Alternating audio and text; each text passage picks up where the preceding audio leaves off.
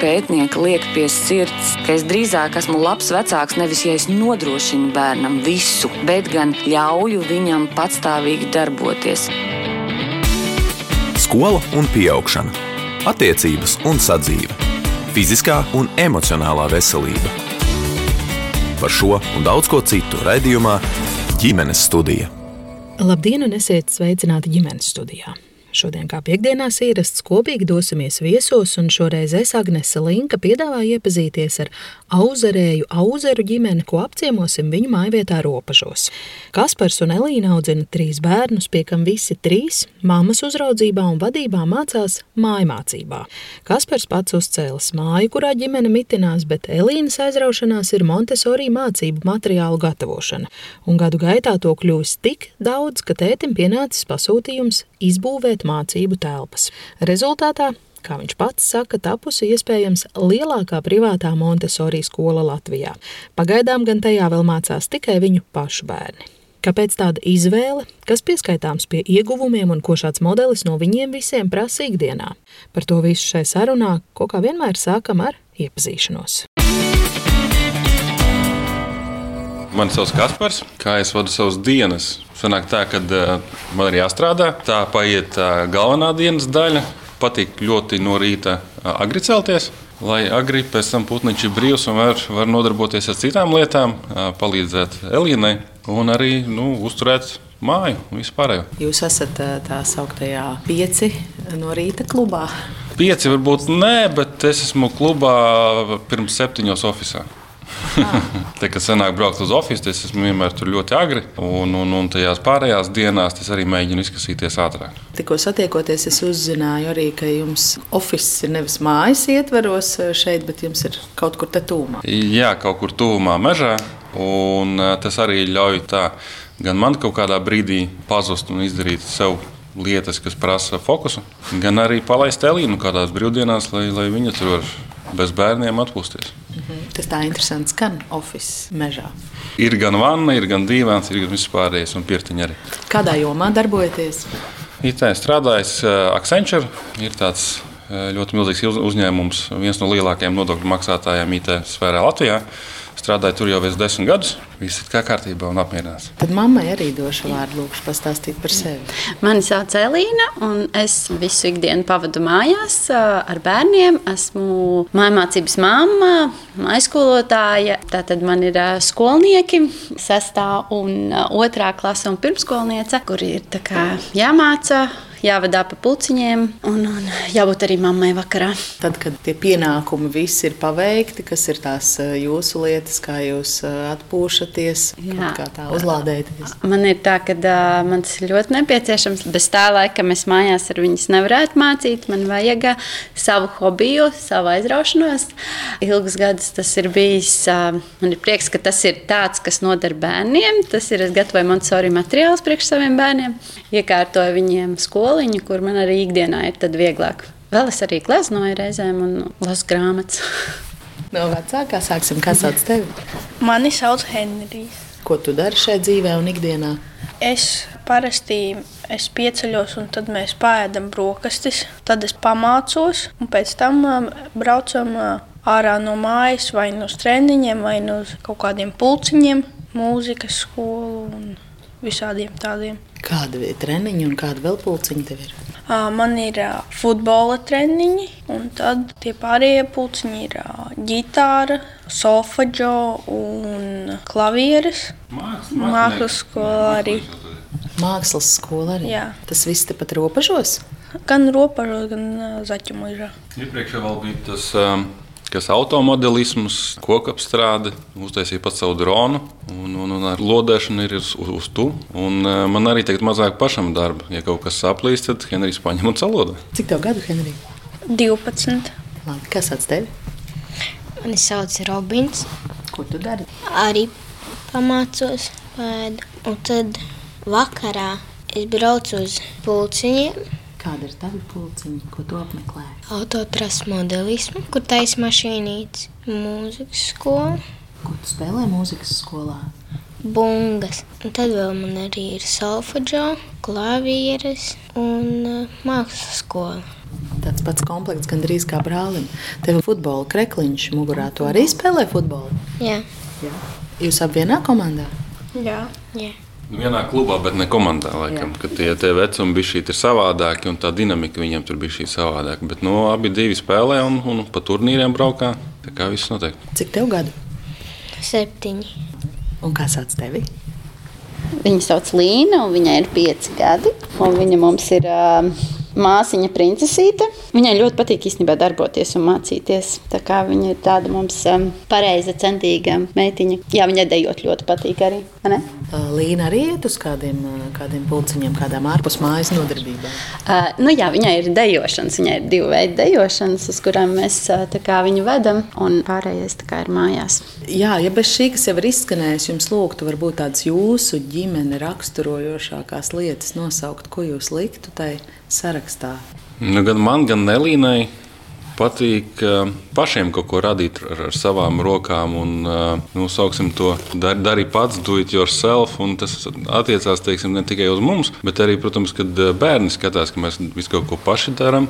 Tad viņi attiecīgi arī visu kaut ko izdomā. Piemēram, es pagājušā nedēļā biju pie Robinovas pulciņu Rīgas motoru muzejā, kur ir tas automobilisms. Es pieķēru sevi pie tādas idejas, ka nu, varbūt mēs esam slikti vecāki, mēs nepērkam mašīnītes, un viņiem nav ļoti daudz visādi mašīnīšu. Bet no otras puses tas ļauj viņiem pašiem mašīnu iztaisīt. Un iziesim ārā, var parādīt, kādas tik transporta līdzekļus viņi no sabūvējuši. Tas, ko mēs mēģinām darīt, mēs mēģinām nodrošināt to vidi, kad viņi var paši darīt. Es esmu gatavs viņiem nopirkt instrumentu, es viņam neesmu gatavs nopirkt uh, mašīnīti. No kurienes tāda ideja? Kaut kā viņa organiski ir mums pieredzinājusies. Tāpat tās arī mums nav televizors, kā jūs redzat. To laiku, ko teiksim, pavadīt pie ekrāna, bērni pavada vai no ārā, vai no kaut ko veidojot paši. Un citreiz tu pat vari nobrīnīties, kā viņš žiros kūcerim piemontējis kaut kādas divas sviras un to transporta līdzekli izmanto kā jau pilnvērtīgu elektrobraucumu. Jūs strādājat pats ar informācijas tehnoloģijām saistītā jomā. Nu, tur ekrāniem ir liela nozīme un tā ir būtiska ikdienas eh, sastāvdaļa jūsu bērniem. Tad tie ir pilnībā liekti. Nē, nē, nē, noteikti viņi nav pilnībā liekti, tāpēc ka tas saturs, ko var dabūt eh, internetā, nu, profesionālais saturs, teiksim, tajā pašā LTV, LSM, tās dokumentālās filmas par visiem tiem ceļojumiem, dzīvniekiem, nu, tas ir eh, neatsverams. Un pēc tam vēl tas ir latviešu valodā kā arī mēs skatāmies angļu valodā. Protams, ir arī kaut kādas multenītes, ir arī vēl, vēl kaut kas tam līdzīgs, bet nu, pamatā tas saturs ir ar pievienoto vērtību. Nu, mobilo telefonu spēlītas, video spēles. Manā profesionālajā dzīvē ir tā, ka man ir jāpiedalās dažādos saucamajos hackatonos. Un tas, ko mums patīk darīt, ir piedalīties hackatonā, kas ir um, Valmjerā, Vidzemes augstskolā. Virtuālās realitātes uh, hackatons, kur savācās cilvēki un taisa visādas spēlītas vai kaut ko citu virtuālajā vidē. Un jau, man liekas, otrais gads pēc kārtas, kad mēs braucām visi kopā, tas pamata noteikums ir tāds, ka nu, spēlīti tu nokačāt nevari. Ja tu gribi spēlēt, uztaisīt pats. Un viņi tā arī izdarīja. Viņi uztaisīja Mario spēlīti, kur tur laikā un ķer sēnītes, un kas tur nebija. Bet tas ir jāmāk, lai to spētu izdarīt. Pastāstīsi, cik viegli vai grūti tas ir. Ir tāda programma, Scratch, kurā tu vari diezgan viegli uztaisīt visādas spēlītes. Nu, ja tu gribi tādu sarežģītāku, tad tu vari paskatīties mācību video, kur arī pastāsta, kā viņu var uztaisīt. Sen tu skrečā darbojies jau? Mm, pirms kāda diviem gadiem vai gada es sāku visu kaut kādas spēlītas, taisīt tādas lietas. No nu, mums arī ir, teiksim, darbā. Mans darbs atbalsta būtībā jau, jau bērnus no mazām dienām, gan skolotājs apmāca, gan arī visādas startītāja programmas or, organizē. Un mums ir arī tie LEGO, kurus var programmēt. Un tad atrada kasti divas uz mājām no darba, un tad viņi te uztaisīja visādus braucamos un saprogrammē. Ir kaut kāds inženiera mindsets, kā mm -hmm. saka. Ja? ģimenes studija. Ja mēs pakāpjamies pāris soļus atpakaļ, un es Elīnu jums lūgtu turpināt to sarakstu, kas ir tās jūsu lietas, Jā. ģimene raksturojošās. Man liekas, darboties tas mums raksturo tik spēcīgi, ka citam varbūt laika neatliek. Jā, jo daru, daru es. Man, lai atpūstos, un manam hobijam vajag rezultātu, un tāpēc man patīk, kad ir kaut ko es uzstājis, un man ir gatavs kā, rezultāts. Vēl mūs raksturo kā aktīvu ģimeni, jo mēs ļoti labprāt pavadām laiku ārā, dabā. Mēs dzīvojam pie meža, mums ir iespēja iet pastaigās. Tās, laikam, mums ir brīvdienās ļoti raksturīgi, ka mēs ejam pastaigā. Reizēm bērniem varbūt negribās, bet galvenais ir izdabūt viņus ārā. Un mans nosacījums laikam ir tāds, ja bērni negrib iet ārā, tad noteikti ir tā, ka vienkārši mammai tēti ir jāiet ārā. Un tad arī viņi labprāt grib iet ārā. Mēs arī aktīvi ziemā slēpojam, vasarā ar riteņiem braucam. Mūsu ar vīru randiņi sastāv no pastaigām dabā, dabas takas. Tur mēs bišķiņie garāk ejam, jo šobrīd uh, mazai māsai ir limits, cik viņi var noiet tos kilometrus, un tad tik arī mēs ejam. Mhm. Cik viņi var noiet? Nu, šobrīd varētu teikt, 5 km ir viņas limits. 5 gadi un 5 km. jā, bija, sākām bija kaut kādi 2 vai 3 gadi, un tad uh, bija tie 2 km. Mm. Mēs arī kopā ar citām mācību ģimenēm reizi kā, mēnesī ejam par dabas takām. Tad vienmēr man bija jāpaskatās, ja bija 3 km taka, tad es zināju, ka 1 km man būs jānes. es jau sagatavojos. Bet tagad viņi var noiet jau tās visas, ko mēs ejam. Ko uh, puikām vislabāk patīk darīt brīvajā laikā? Tad, ir pilnīgi brīva diena un brīva izvēle, ko tev vislabāk patīk pasākt? Spēlēties ar LEGO, ar mašīnītēm. Tev arī patīk tās mašīnas pašam taisīt. Jā. Viņam ļoti interesanti. Viņam bija tas sākums jau ir tā, ka taisot kaut ko, tev ir jāpārvar tas, kamēr tu dabū to rezultātu. Kamēr tur noslīpē, kamēr visu tur dabū, un tad jau pēc tam var priecāties par to rezultātu. Tāpat arī bija Henrijam, arī tāpat tās bija, kamēr viņš tika līdz rezultātam viņam ar droniem, manuprāt, mēs tad gājām Annās. Un tad viņam bija jāslīpē putuplasts. Man liekas, veselu gadu viņš to darīja, kamēr tika pie drona izgatavošanas. Tā. Interesanti ar to brīvo laiku bija, mēs paņēmām brīvlaiku mazliet ātrāk nekā skolā pirms Ziemassvētkiem, jo man vajadzēja brīvlaiku. Un tad viņiem bija brīvs laiks, un viņi aiz garlaicības ļoti daudz ko izdomāja, ko paši darīt. Pat es teikšu, ka tās nebija pirmās divas dienas, viņi tur neko sakarīgi nedarīja, bet pēc tam, kā viņi garlaikojas, jo vairāk garlaikojas, jo vairāk viņi var izdomāt. Nu, piemēram, ko? Mēs nesen nopirkām 3D printeri, un tad es kā, viņam pats uzdizainēju minēju, autokadā tā tādu lietiņu, kur tu vari pielikt klāt, piemēram, kas tur ir viņam pa detaļām, tādas filamenta šķērītes, tur pieliek un skrāpējumu lāpstiņu, tādu visu kaut ko. Kas tas ir? Henry?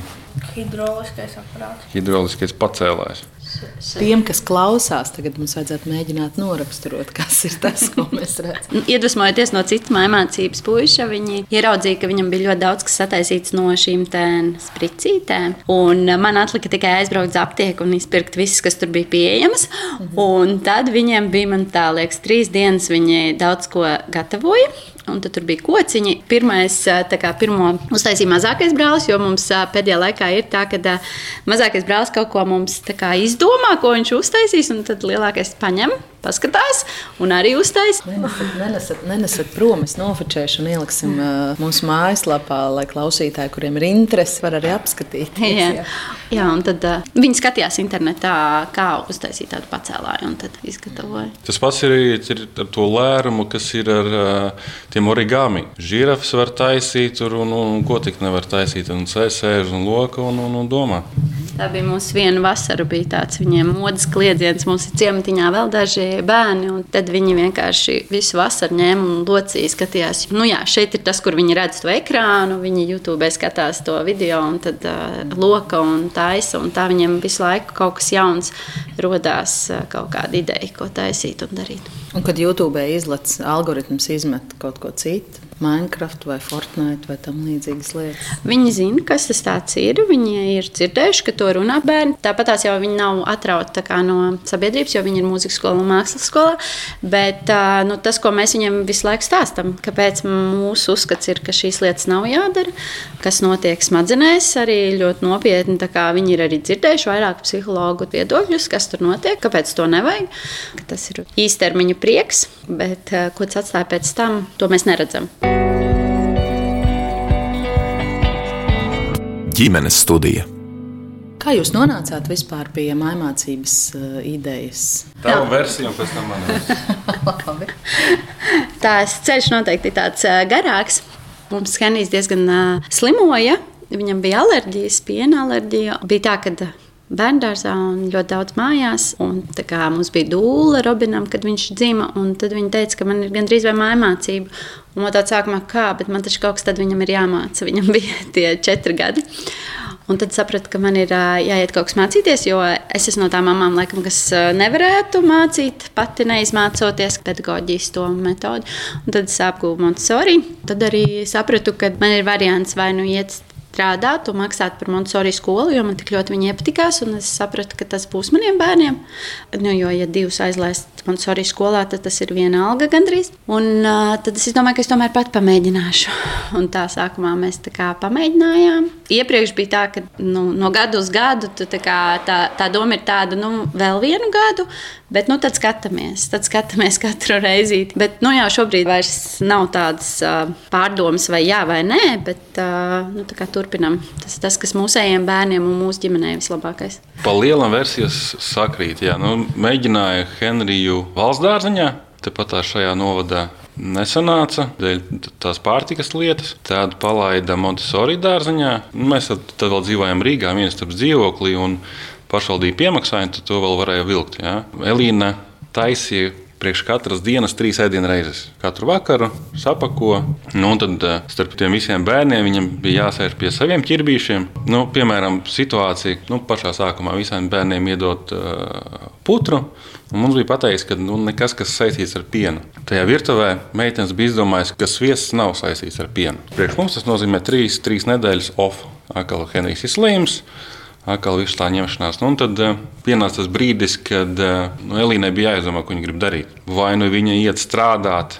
Un visu to algu atdot par dārzeņiem un visu loģistiku. Bērnus viņa neredz. Tas modelis, vai nu arī paskatījāmies maciņā, kad uh, iespējams, ka arī sanāk. Pie noteikuma tādi, ka šo māju es būvēju pats ar savām rokām, viņa materiāls būvēja pati ar savām rokām, un teiksim, kaut kādā tādā veidā mēs nonākam pie kaut kāda kopēja, kopēja mērķa. Cik eh, viegli vai grūti ir to apgūt, kā jūs sakāt, jūs iemācījāties Montesori? Nu, grūti tas, protams, ka nav tur ej kursos un mācīties, bet tam ir noteikti jāpatīk, jo tie ir ļoti daudz materiāli, un um, ja tev nepatīk viņus gatavot, tad tas ir ļoti dārgi.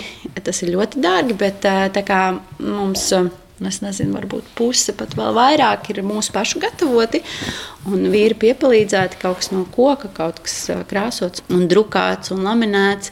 Tas man sagādāja arī prieku to visu darīt. Tad es to darīju labprāt. Un arī tas, ka es, protams, redzēju, ka nu, katrs bērns mums ir savādāks. Un, Mēs uz trīs jau bērniem redzam, cik tas veids, kā viņi mācās, katram ir savādāks. Tas noteikti atšķiras gan Henijam, gan Robinam, gan Līnai.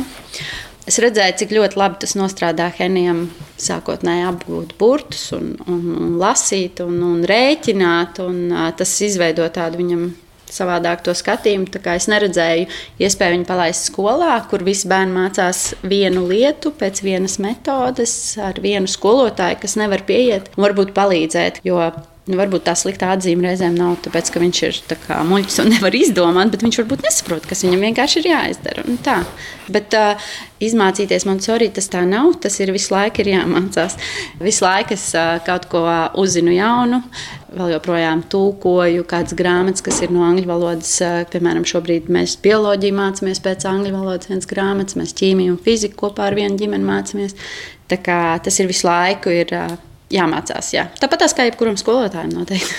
Kas ir jūsu izglītība, profesija vai tāds nodarbošanās eh, virziens pirms tam? Es pirms tam biju personāla vadībā, projektu vadītāja, tas, tas kur es pārtraucu savu karjeru. Bet es šobrīd noteikti, kad uh, saku, es negribētu atgriezties darbā. Es esmu vairākas reizes pārdomājis, jo tas tomēr ir tāds mammas ļoti liels lēmums savs, ka tu neej karjerā, ka tu esi šeit ar bērniem. Bet es ļoti bieži esmu to domājis, skatījusies, vērtējis, un es saprotu, ka es gribu būt ar viņiem šeit, darīt tās lietas, ko es daru.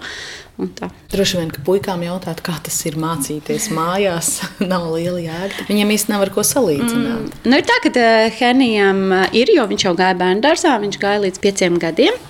Un bērnu dārzs bišķi, nu, ir kaut kas līdzvērtīgs, varbūt mazliet. Un vēl ir tā, ka man ļoti patīk, mums ir mākslas skola, ir tāda brīvāka, bet mūzikas skola ir tāda ļoti skolas pieredze. Un šeit viņi dabū skolas pieredzi, kā tas ir skolā, ka tev ir 40 minūtes, tev ir skolotājs, tev ir mājas darbi, tev ir pārbaudas darbi. Un, jā, šeit viņi dabū to pieredzi un salīdzinājumu. Forši mācīties mājās. Jā, ir forši, jo tu no rītiem vari izgulēties ilgāk. Tev nav noteikts, ka tev ir jā, jāceļās, kas tev ir jādara, kā brīvāk ir. Nu, ir jau tāds saraksts, tu nestāsti, ka tev nav saraksts. Tev ir nedēļas plāns, un viņš ir jāizpild. Tikai nu, tev tur ir bijis šī, nu, tu izvēlējies pats kā tu to pildi, jo tu zini, ar ko tu riskē. Ja tu neizpildi laikā, tāpat tās neej ārā, piemēram, nu, ir Ui, kaut kāds, savādāk. Nē, nu, ir kaut kādas lietas, bet uh, Henijam vairāk, uh, varbūt viņš jau ir uh, 4. klase, 5. klase, ir, ka viņi iemācās mācīties paši. Un sestā klasē jau es varētu teikt, ka viņš jau saprot, ka tās lietas ir jāizdara. Tur nav nekas jāsaka, vai tu varēsi, vai tu nevarēsi izdarīt. Bet nu, ir kaut kādi tādi, nu, vakars tev ir jāpavada pildot uzdevumus. Tāpat tās kā skolā mājas darbi jāpilda, ja tu neesi izdarījis pa dienu. Kā tas ir mājās mācīties? Labi. Kāpēc? Kāpēc tas patīk? Tāpēc, jo tā kā lasa, tad nav jāsēž krēslā. Tu vari gulēt. Māma atzīmes arī kādas kādreiz liek. Mama liek atzīmes, bet es viņiem nestāstu, jo mēs vienkārši novērtējam pēc standarta, cik daudz zina. Eh, jo mums ir arī tāpat tās ir kaut kāda pārbaudas darba un ir atzīmes. Tā kā skolai, jo mums ir sadarbības skola, bet viņiem tas nav vajadzīgs, varbūt tās atzīmes, lai gan viņiem jau saistībā ar mūzikas skolu radās priekšstats, ko tas nozīmē, tās atzīmes, bet, bet tas ir vienkārši novērtējums, ko viņi zina pēc standarta. Tās nav tās zināšanas, kas viņiem ir. Kur ir jūsu sadarbības nav noslēpums, un kā tā sadarbība veidojas? Nu, mums ir pilsētas sākuma skola būsim šobrīd. Sadarbība mēs esam ar atbildīgo, kas ir par mājmācību, tad mēs tiekamies un pārunājam, kā mums iet. Viņa ir ļoti kā, zinoša un ir bijusi skolotāja un psihologs, un viņa mums palīdz arī iesaka kaut kādas lietas. Standartu mēs visi varam paņemt, un jebkuru māmu mēs varam izlasīt, un uh, darba lapas mēs varam atrast internetā ļoti daudz. Bet izstāstot viņai kādu situāciju, ar ko, piemēram, šobrīd, uh, kur ir tā problēma situācija, un viņa iesaka to virzienu, kurā paskatīties. Tas ir ļoti, ļoti liels palīgs. Tas, tas, kāda sadarbības ar skolu vēlos? Piemēram, problēmas situācijas, kas ir tie jūsu izaicinājumi? Nu, dažādas tās var būt. Kā iemācīt kaut vai pirmsskolā, kā iemācīt lasīt, ja tev kaut kādas lietas varbūt nestrādā, kaut kas standartam. Uh, jo es zinu, ka mums ar Heniju tur mums nebija sadarbība ar šo skolu. Un, um, tur bija pašam jāmēģina kaut kur atrast to informāciju. Tad šobrīd mums ir tā mācību koordinātori. Arī lielākiem bērniem, protams, ir kaut kādi izaicinājumi, jo ir uh, pirmkārt pusauģa vecums, otrkārt tā informācija ir pavisam savādāka. Nu, šobrīd ir tā runa par to, cik no lasītā atcerās. Jā, vairs saprot. Un, ja bērniem ir tā, ka viņi ir ļoti uztrenēti klausīties grāmatas, jo es lasu ļoti daudz, salīdzinoši man liekas, es lasu no priekšā. Jā, es lasu viņiem priekšā. Stundas divas, man liekas, ir nākamā varbūt pat vairāk, jo man ir no rīta, man ir pusdienas laikā, man ir arī vakarā. Jā, nav tā, ka viņi baigi augtu paši ņemt grāmatas un lasītu, bet tas varbūt ir saistīts vienkārši ar puišiem, kā ar aktīviem, praktiskiem bērniem. Tā, un tad jāmeklē kaut kāda risinājuma, kāpēc tā ir un, un ko varētu darīt, un kas ir varbūt jāpamaina ikdienā. Tā. tā jau nav tikai tāda grāmatu lasīšana, tas ir no iedziļināšanās tajā grāmatā pavisam nopietni, tāpēc, ka ir jums tie grāmatu klubiņi. Nu, piemēram, tagad bija sudraba slīdes jūs izlasījāt. Tad viņi brauc uz grāmatu klubiņu ar citām mācību ģimenēm, tad viss tur ģērbjās tā kā tur ģērbās, tad tos ēdienus, ko tur darīja, tās aktivitātes. Tad uh, vakardien bijām vēl uz Nacionālo teātru, uz sudraba slidām. Tā, tā tēma tiek paņemta ļoti plaši un ar tādām arī praktiskām lietām. Pagaidā sudraba slidas tagad bija un iepriekšējais bija. Nu, mums ir tā, ka mums tur ir vairāki tie grāmatu klubiņi jau ļoti daudz, bet mums ir bijis gan Robins Huds gan arī Pepija Gārziņa, kuras priekš mazās māsas vairāk domājot, norganizē, jo tur mēs tiekamies tās mācību ģimenes. Bet ir arī tādas senākas grāmatas, kuras varbūt nemaz bērni pat nezina. Tāds noslēpumainais dārsts vai Robinsona ģimene, kur arī mēs lasām, mēs iedziļināmies. Nu, vēsture tur nāk klāt, tur nāk kaut kāda geogrāfija klāt, tur nāk dabas zinības, un ar to viņi mācās. Bet tās ir tās, varētu teikt, pat interesantākās grāmatas Bet uh, ir arī tās, uh, kuras es uzskatu, ka tās ir kā manas mācības stundas, jo es viņiem, piemēram, lasu par dažādiem māksliniekiem. Tagad mums ir Zāns, piemēram, mēs tur paņemam un lasām. Tad bija par mūziķiem, par Mocartu, Bahu. Nu, tādas biogrāfiskās, kuras varbūt skatītos kā pieaugušo literatūru, bet es uh, lasu, jo viņiem daudz kas nu, paliek un viņi atcerās tās lietiņas. Jūs teicāt, jūs mācāties fiziku, ķīmiju kopā ar kādu mm -hmm. citu ģimeni, kā tas ir organizēts un kāpēc tā? Nu, šobrīd mums ir ļoti daudz kā, sadarbības ar citām mācības ģimenēm. Man patīk būt kopā ar citām mamām. Mēs esam diezgan arī līdzīgi domājoši, lai gan ir kaut kādas atšķirības, bet ir ļoti daudz kopīgā. Un arī bērniem ir ļoti vērtīgi būt kopā tieši ar mācības bērniem. Jo, ja varbūt tādā pirmskolas vecumā to nejūt, tad augot viņiem lielākiem, viņi sāk just kaut kādu atšķirību starp skolniekiem un mājmācības bērniem. Un tad ir ļoti vērtīgi, ka viņiem ir tādas regulāras tikšanās. Mums kaut kā mamām vienmēr gribas, lai tas būtu ar pievienotā vērtību. Tad uh, tie ir muzeja apmeklējumi, tad ir arī regulāri mēs esam uh, tie grāmatu klubiņi. Mēs ar vienu mājmācības māmu ķīmiju un fiziku kopā vadām. Tas tāpēc, ka mēs varam sadalīt arī uz pusēm to tēmu. Mums pašām ir vieglāk, un arī tas, kad, uh, kad tu stāsti un kaut ko klausās vai eksperimentu, tad jau nav svarīgi, vai tie ir trīs vai tie ir seši bērni. Un tad mums tā mazliet atvieglojam sev. Un arī mums ir um, meža skoliņa, ko šogad uh, es uzņēmos. Mēs tepat tās mežā arī vairāk, lai ir tāda regulāra tikšanās. Tas arī man piespiež sagatavoties. Jo reizēm, kad tev ir savi bērni, tad tu tik ļoti varbūt nesagatavojies. Un tad, kad ir citi bērni, tu tā vairāk sagatavojies, iemācies, lasi, meklē informāciju. Un mums vēl ir zooskoliņa, kur arī viena māma, kur mēs reizē mēnesī braucam uz zooloģisko dārzu. Bet tur mums ir tā, ka mums nu, vada tas, kas ir zooloģiskā dārza nodarbības. Un tas arī ir, ko es esmu sajūtusi šajā gadā visspēcīgāk. Ja es pirmdien, otrdienu, trešdienu varu mācīt, tad es ļoti labprāt gribētu, ka ceturtdien kāds cits vada kaut ko. Tāpēc aizbraukt uz uh, muzeju, viņas aizvest, tas ir man atpūta. Cik lielā mērā vai drusku vai nemaz tētis te visā vispār ir iesaistīts? Nu, tur Elīnai droši vien ir jautājums jāprasa. Man jau liekas, ka tas iesaistīts iesaistos. Tas, nu, es noteikti neesmu pedagogs. Nu, tā mana iesaiste ir, domāju, vairāk tāda aktīva atbalsta funkcija. Nu, ok, mēs tur padarbojamies kaut ko ar, ar, ar datoriem, tur programmēšanu iesākam, jā, bet mēs iesākam tālāk jau, teiksim, tur Henrijs vai Robins, viņi jau paši. Mēs iepriekš runājām par to, kas tev tur jādara pa dienu vai pa nedēļu. Bet nu, viņiem ir tāds tā kā nedēļas ritms, kas ir jāizpilda. Nu, tad katrs ir atbildīgs par to savu lietu, un katrs arī tur darbojas. Tā kā es sēdētu tik pacietīgi, kā Elīna blakus un, un mēģinātu visādi viņus atbalstīt, noteikti nē, man vienkārši fiziski nepietiek laika. Ļoti būtiski noteikti palīdzība ir tā, ja kaut kur aizved vīrs aizved uz kādu pulciņu, jo nu, mūzikas skola mums ir diezgan pa vidu dienai, un tomēr mums ir no šī meža jāaizbrauc līdz tai pilsētai. Un arī, protams, palaist mani atpūsties vakarā un nebūt mammai, bet būt vienai pašai kaut kur kādā mūsu mājas daļā. Vai mežā tas arī noteikti ir ļoti vērtīgi un tas palīdz. Okay. Zini, sala tēt nemaz nav. Dāvāns pērk mamma ar tētu un zemeglis krauju. Zini. Mēs tiekamies ģimenes studijā.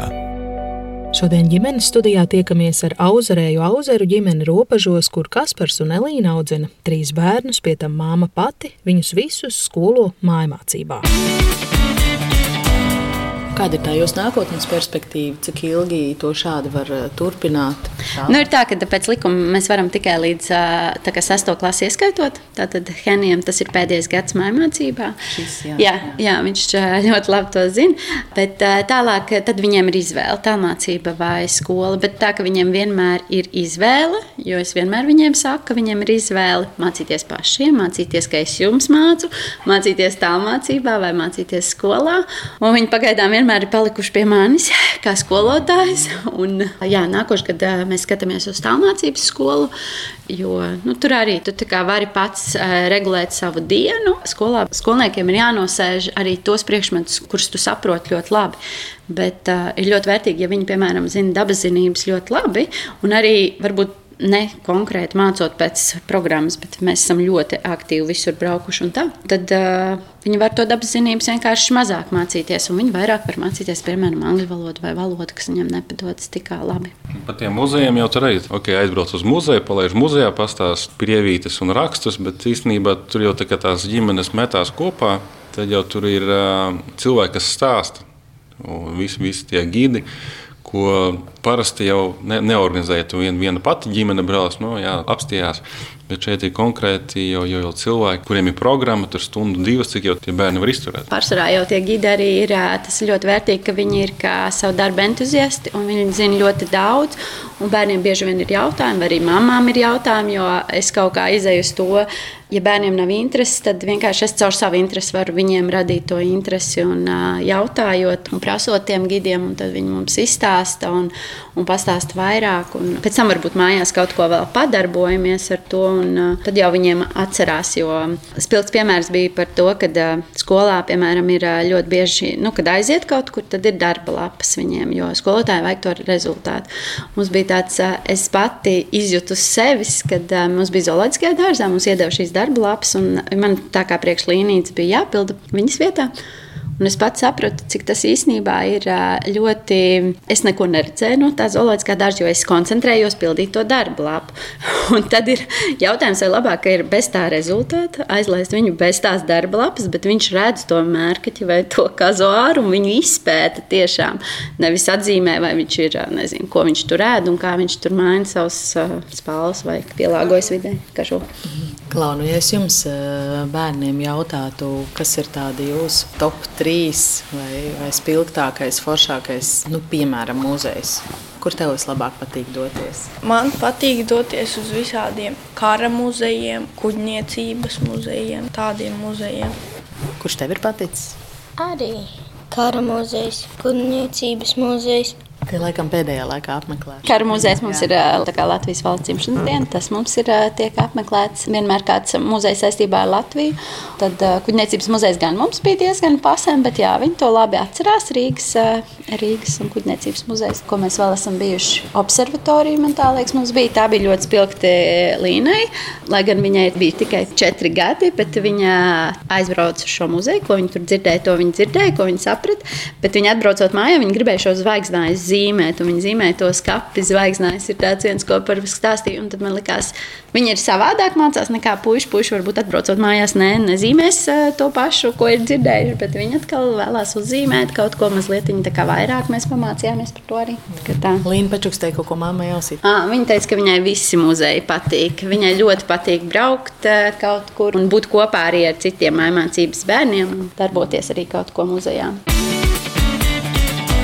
ģimenes studija. Mēs tiekamies ļoti skaistā ziemas dienā, šodien foršā vietā, tiešām dabas ieskauti jūs dzīvojat. Cik sen jūs esat šeit? Kas pēc kaut kādā brīdī pieminēja, ka tad mēs vēl dzīvojām Rīgā. Un tad bija process, kad māja tika celta un celta pašu rokām. Nu, jā, tad, man liekas, mēs ievācāmies 16. gada 31. decembrī šeit. Tas vienistabas dzīvoklis palika par īsu visiem. Elīna ar, ar, ar tajā laikā ar abiem bērniem aizvācās pie vecākiem uz Bausku. Tur bija plaša māja, kur vecāki arī man liekas, bija priecīgi, kad viss atkal ir pilna māja. Tikmēr es to. Nu, sākot no mārta līdz decembrim. Man sanāca 8 stundu darba diena pamatdarbā un 8 nu, stundu darba diena šeit papildus. Un plus vēl visi vikendi. Tad tas bija tāds interesants un traks periods, kad būvēja māju. Tas parastais komentārs bija tāds, nu, kur jūs tādā mežā dzīvojat. Ne, nekā nav. Bet no otras puses, te ir pietiekoši kluss, mierīgs, audzējam savus ķiršus koksnī. Un tajā laikā es arī rakstīju ļoti aktīvi blogu. Viņš bija viens, viens no apmeklētākajiem būvniecības blogiem tajā brīdī. Nosaukums ir Kiršu parks, tāpat kā māja. Un tad, kad sākās Covid, mēs uziesim augšā, parādīs. Ja? Nu, tad bija pasūtījums no skolotājas, kad vajag atsevišķu Montesori skoliņu. Es domāju, ka tā ir lielākā iespējams lielākā privātā Montesori skoliņa Latvijā. No skolotājas Elīnas jā, jā, jā, jā, jā, jā. Ah. Jo vajadz, vajadzēja sadalīties katram savu stūrīti. Elīnai tās rokas tik aši darbojās, tie materiāli tik naski tapa, kad nu, tā, ka bišķi pamestās vietas palika. Jo iepriekš bija vienā, vienā istabā, tur tas, tie plauktiņi daži, bet tad plauktiņi pārvēršas par plauktiem. Plaukti pārvēršas par bibliotekām. kaut kur ir jānonāk, jo nu, tās paudzes jau viņas arī, kā viņas aug, un tev attiecīgi jā, jātiek līdzi tiem materiāliem. Nu, man liekas, jau tagad augšā ir bijis pamāts. Un ķirši, kāpēc tieši ķirši? Oi, tas kaut kāds arī garš stāsts, un man liekas, Elīna pie tā ir vainīga. Un es parakstījos ļoti neapdomīgi, bet uh, dotajā brīdī tas viss ir interesanti un, un, un forši. Tieši ir koksnē. Ķirši koksnē. Tieši koksnē. Jā. 700 man liekas, mums tagad ir. Mēs sadarbojāmies ar, ar Silava meža institūtu. Jā, jā. Būtībā tie ir uh, Latvijā veidoti ķirši, balstīti uz kaut kādiem zviedru kokiem, salisturīgi. Un, attiecīgi, tad nu, viņi augs, augs, augs. Kā mēs smējamies, tas ir mūsu pensijas kapitāls. kapitāls. Vai izdosies, nezinām, bet tas katrā gadījumā ir bijis savādāk nekā pārējie. Nu, ir tā, ka laikam ķiršu koksnē bija pirmā doma, ko mēs šeit darīsim. Nevis celsim māju, bet pēc tam mums radās tikai doma par to, ka māju celsim. Bet tas bija vienkārši žurnālā izlasīt, ka vienā vietā tā darīja. Un tad uh, likās, ka uh, mums kaut kā vienmēr ir bijis tā ideja, ka to, to naudu varbūt kaut kur ieguldīt, nevis visu uzreiz notērēt un, un apēst saldējumus, kā mēs teicām. Tad radās doma, ka pamēģinām. Tad arī izdomājām, ka arī šeit šis vietiņš būs, kur mēs māju celsim. Un, sākumā noteikti tas pirmais ceļš vīram līdz šim zemes gabalam bija diezgan dubļains un, un traks, jo rudenī un pavasarī tas ceļš reizēm var arī būt neizbraucams. Un viņš devās skatīties zemes gabalu par tādu ceļu, ka man likās, kā mēs tur dzīvosim. Bet re, mēs esam šeit jau vairākas ģimenes un, un dzīvojam. Un paldies pašvaldībai, kas uztur mūsu ceļu arī. Un, un, Dažreiz. Dažreiz Robins saka, jā. Un ko tad jūs darat, kad tas ceļš kļūst neizbraucams, vai pēdējos gados tas vairs nav aktuāli? Nu, tik aktuāli varbūt nav, bet uh, nu, vienmēr jau ir iespēja palikt arī mājās un nebraukt nekur. mums nav tik ļoti noteikts, ka mums obligāti ir jābrauc. Protams, ka ir jābrauc, bet var jau būt izņēmumi un tā. Varbūt tad vedīsiet rādīt to skoliņu. Nu, Tur būs bijis vēsts, saģērboties. Mīnus 25 tomēr ir ārā, un, un, un tas nebija paredzēts ziemas skola. Bet tomēr ziemā jūs arī tur mācāties. Jā, mācāmies. Tur ir mums sildītājs, un tad uh, bērni nevar kā istabā šortiņos un īsajā krekliņā, bet ir jāsaģērbjas. Mm -hmm. nu, labi. Jūs saģērbjaties? Tā kā jā, jāņem līdzi. Jā, mums ir jāģērbjas pavisam. Aha. Šī mums saucās tīrā māja, un tā mums sauksies netīrā māja. Tāpēc, ka uh, visi brīnumi, kas notiek, notiek tajā mājā. Labi. Kreatīvais barbiks ir pacelts. Mums jau arī ir labi, ka mums ir tā otra māja, jo tad mēs vienmēr izējām aplīt pirms tam. Mm -hmm. Mēs izējām ārā. Tad ejam skatīties. Aha, nekur tālu nemaz nav jāiet. Vienkārši citā mājas daļā. Mhm. Tā, nu, te mēs tagad esam darbnīcā. Darbnīcā varētu teikt, tā, tad viņi paši nāk reku zāģēt un slīpēt. Ar lieliem instrumentiem es neatļauju strādāt. Tur es pats teiksim, sagatavoju sataisu, bet uh, visi tie smalkie darbi, kalciņiem, tas jau ir ziņa. Mm -hmm. Kas jūsu paša rokām šeit top? Nu, visu priekš mājas, visu priekš meža mājas, pirts un, un, un tam līdzīgi. Un, piemēram, lāvas rekurbi. Ja? Un, uh, Mammas draugs nocirta apsi, sataisīja uh, neevēlētas dēļas, es viņus kalibrēju, evelēju. Mm -hmm. Tad sanāk pirtslāvām, piemēram. Jā, ļoti smuki tāda akurāta dēlīša. Kā no bodes. Jā. Ieslēdz to sildītāju. Ieslēdz gaisu. Un esam klāt privātskolā. Jā. Mācāmies. Te ir tā kā dažādas tās stacijas, ir, ir priekšlīnas, ir priekš Henrija, ir priekš Robina, jo viņiem jau atšķirās gan tās lietas, ko viņi mācās. Mm. Ko nozīmē dažādas stacijas? Es redzu, bet jums ir jāstāsta tiem, kas klausās. Jā, nu, ja mazai māsiņai ir tāds burbuļu apgūves periods un, un kaut kādas tādas vienkāršākas lietas par kontinentiem vai par gada laiku un kalendāriem, matemātikā tas ir zelta pērlītes, kas ir Montesori tad ir visādas skaņu spēles. Visādi matemātikas vingrinājumi, lai iemācītos saskaitīt un rēķināt. Un tad, tās citas stācijas ir arī matemātikā. Matemātikā pēc arī ir ļoti daudz dažādas lietas, pēc kā mācīties. Mums ir reizināšanas apļi, ir dalīšanas riņķi un, un visādas pērlītes un šaha dēļi un daļskaitļi un, un tā. Un, jā, un tas viss, ko Elīna piemin, reizināšanas apļi, dalīšanas riņķi, Pitagora kvadrāts ar iedaļām, matemātikas kociņi, lielās pērles, melnbalts, pelēks, saskaitīšana, čūsku spēle. Šo visu es lasu, un tā vēl varētu daudz, daudz turpināt, tāpēc ka desmitiem kastu un kastīšu ar jā, tādiem ļoti konkrētiem nosaukumiem tur augšā vēl redzu astronomija, kartes, kontinentu rekvizīti, zemes vēsture, dabas parādības, matemātikas stāsta, dzīvnieku grāmatiņas. nu, tur ir ļoti daudz, katram pēc savu tā kā, tām, tām vajadzībām, jo, piemēram, kaut vai tās dzīvnieku grāmatiņas ir tā, ka uh, Henijam, piemēram, nepatika lasīt īstās grāmatas, uh, jo grāmatās ir ļoti daudz lietas, kas novērš tev tā kā, no tā galvenā, tev ir jāskatās bildes. Un, uh, viņam patika lasīt šīs Montesori grāmatiņas, kur ir vienā pusē ir bildīta, otrā ir tikai teksts, un viņš ir īsts, un viņš ir ar noteikti arī burtu lielumu. Jo tajā brīdī, kad bērns sāk lasīt, viņš jau nevar uzreiz tos mazos burtus. Mēs varam kaut kā viņu varbūt piespiest tā lasīt, bet viņam gribās patīkamāk viņam to darīt, ir, kad ir lieli burti. Un tad tur uh, augšā mums ir arī gultiņa kur uh, tapa tāpēc, ka uh, Henrijs ierosināja tētim, ka viņš gribētu, lai tur augšā ir gulta. Un, jā, un šobrīd viņi kalpo kā vieta, kur es varu pavadīt uh, vienu reizi nedēļā, atnākt uh, bez bērniem. Palikt tā kā vakaru un, un palikt pa nakti, tas tāds man atpūta. Ja maz, bērni bija mazāki, tad tas bija ļoti vērtīgi, jo tomēr, kamēr Līna bija maza, tad viņi nāca pie manis vai gribēja pie manis gulēt, tad tev tas netraucētais miegs bija ļoti, ļoti svarīgs. Bet šobrīd arī es to novērtēju kā lielu vērtību. Un paklau, jūsu bērni, nu, pēc pieciem, desmit gadiem paaugsies, izaugs, ko ar šitādu kolosālu infrastruktūru tālāk iesāksiet? Es vienmēr saku, ka es skatīšos pēc tā, kā es jutīšos.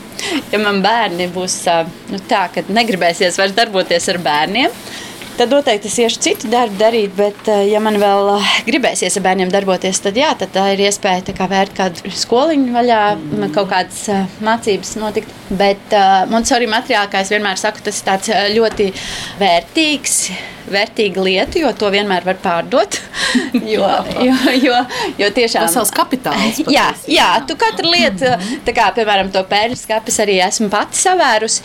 Un es zinu, cik tas maksā īstenībā cik tas veikalā maksā, tad jā, tas ir tāda, tāda vērtība, ko tālāk pēc tam nezinu, kaut kam izmantot. Kas ir šis te?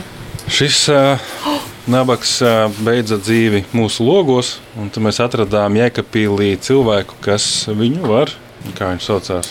Taksodermists. Jā, jā taksodermija. Jā, jā, jā. Nu, tas ir izbāzts putniņš, zivju dzenītis. Jā, jā, jā. Ar, ar garu knābīti īsts, tiešām izbāzēts. Viņš kaut kur tepat bija dzīvojis, un, un tagad mm. viņš šādā veidolā dzīvo. Jā, skaisti. Visiem, visiem parasti patīk, ka bērni man reizēm liekas, varbūt nu, viņiem tā ir grūti, kā būtu bez tā visa novērtēt. novērtēt jā, jā. Tā kā, es nezinu, vai viņiem atstāja tas iespēju, ka uh, citi tomēr ļoti, ļoti tā. Nu, sajūsmināti nāk, viņiem tā ir ikdiena. Ka mammai katrai lietai gandrīz ir materiāls, lai varētu pastāstīt gandrīz. Mhm.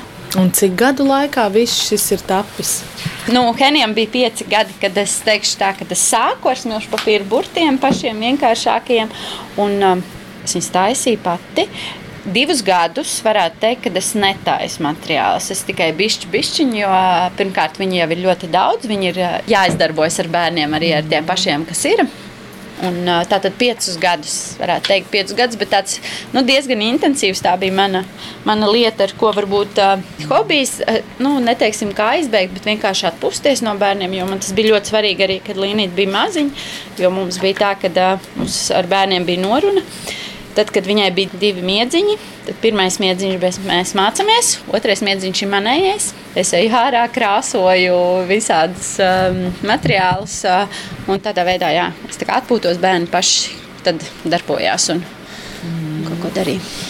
tas viss izklausās pēc tāda mūžīgā dzinēja. Jums ir kaut kādi brīži, kad eh, rokas nolaižas, vai kaut kas ir rīktīgi grūti, un ko jūs tad darāt? Nu, ir tā, ka uh, mācība nav uh, viegla. Tā noteikti nav viegla. Arī nav, Arī nav grūta, kā saka Robins. Jā. jo tas prasa varbūt ne fizisku piepūli, bet tas prasa ļoti emocionāli, jo bērni paņem enerģiju. Un nav tā, ka viņi no mazām dienām viņu kā, novērtē, un tev vienmēr saka paldies par paveikto. Tā kā ir jāatrod tas vai nu sevi, vai nu jāuzkrauj, lai vīrs to dara. Un kā kurā reizītē, bet jā, ir jāmācās pašai sevi motivēt to darīt sagatavot, kā es saku, man vajag no rīta sevi sagatavot dienai. Un ir brīži, kad man vajag šo atvaļinājumu, un kad man vajag brīvu laiku. Varbūt ne tad, kad ir pēc skolas programmas, bet es gribu paņemt viņu nedēļu ātrāk, un to mēs arī izdarījām. Un es zinu, ka nu, jau man ir pieredze, ka janvārs un februāris ir grūts, bet tas ir arī grūts citiem parasti cilvēkiem, jo tā, tā ziema vēl tāda, un tā vasara vēl tālu un saulīta. Un tad, nu, jau es zinu, Un es neatceros, vai pirms trim vai četriem gadiem tāds bija jau tāds uz tādu izdegšanu vilku, un tad es meklēju kā, to informāciju no citām, piemēram, mācību mamām no Amerikas, jo viņas dalās. Uh, internets pilns ar uh, tādiem kaut kādiem rakstiem. Man tas likās tik spilgti iespiedās, ka tas, es viņu meklēju to informāciju janvārī, februārī, un tur bija ielikti tie raksti janvārī, februārī. Tātad tas ir tāds posms, kuram tā jāiziet cauri. Tas viens variants, ir braukt ceļojumos, ko mēs ilgi darījām. Braucām tieši slēpot. Uh, janvārī, tad Covid laikā mums tas izpalika, un tā bija kaut kā savādāk jāizbrauc vienai pašai. Um, jāpastaigājas gar jūru. Bet, protams, arī tās, uh, tā kā mums šobrīd ir ļoti daudz sadraudzības ar citām mācības ģimenēm, tad uh, es varētu teikt, uh, nu, ir grūti vienai pašai, bet, ja tev ir māmas, kas tevi saprot, māmas, kurām ir tādas pašas un līdzīgas izaicinājumi vai problēmas, tad tā kā kļūst tā vieglāk un var vienu otru uzmundrināt, palīdzēt. Varbūt vienkārši uzklausīt, reizēm vajag tikai visu uzklausīt. Kur ir mazais lācis? Tagad tu gribēsi zvaigznājas skatīties. Mazais lācis. Nu, tur ir jābūt mazam. Mazais lācis noslēpies. Viņš vakardienas šķūrēja sniegu, tāpēc, ka jūs braucāt, mēs domājam sagatavoties šķūrēja sniegu, un tad viņš redzēja zvaigznājā atpazina mazo lāci.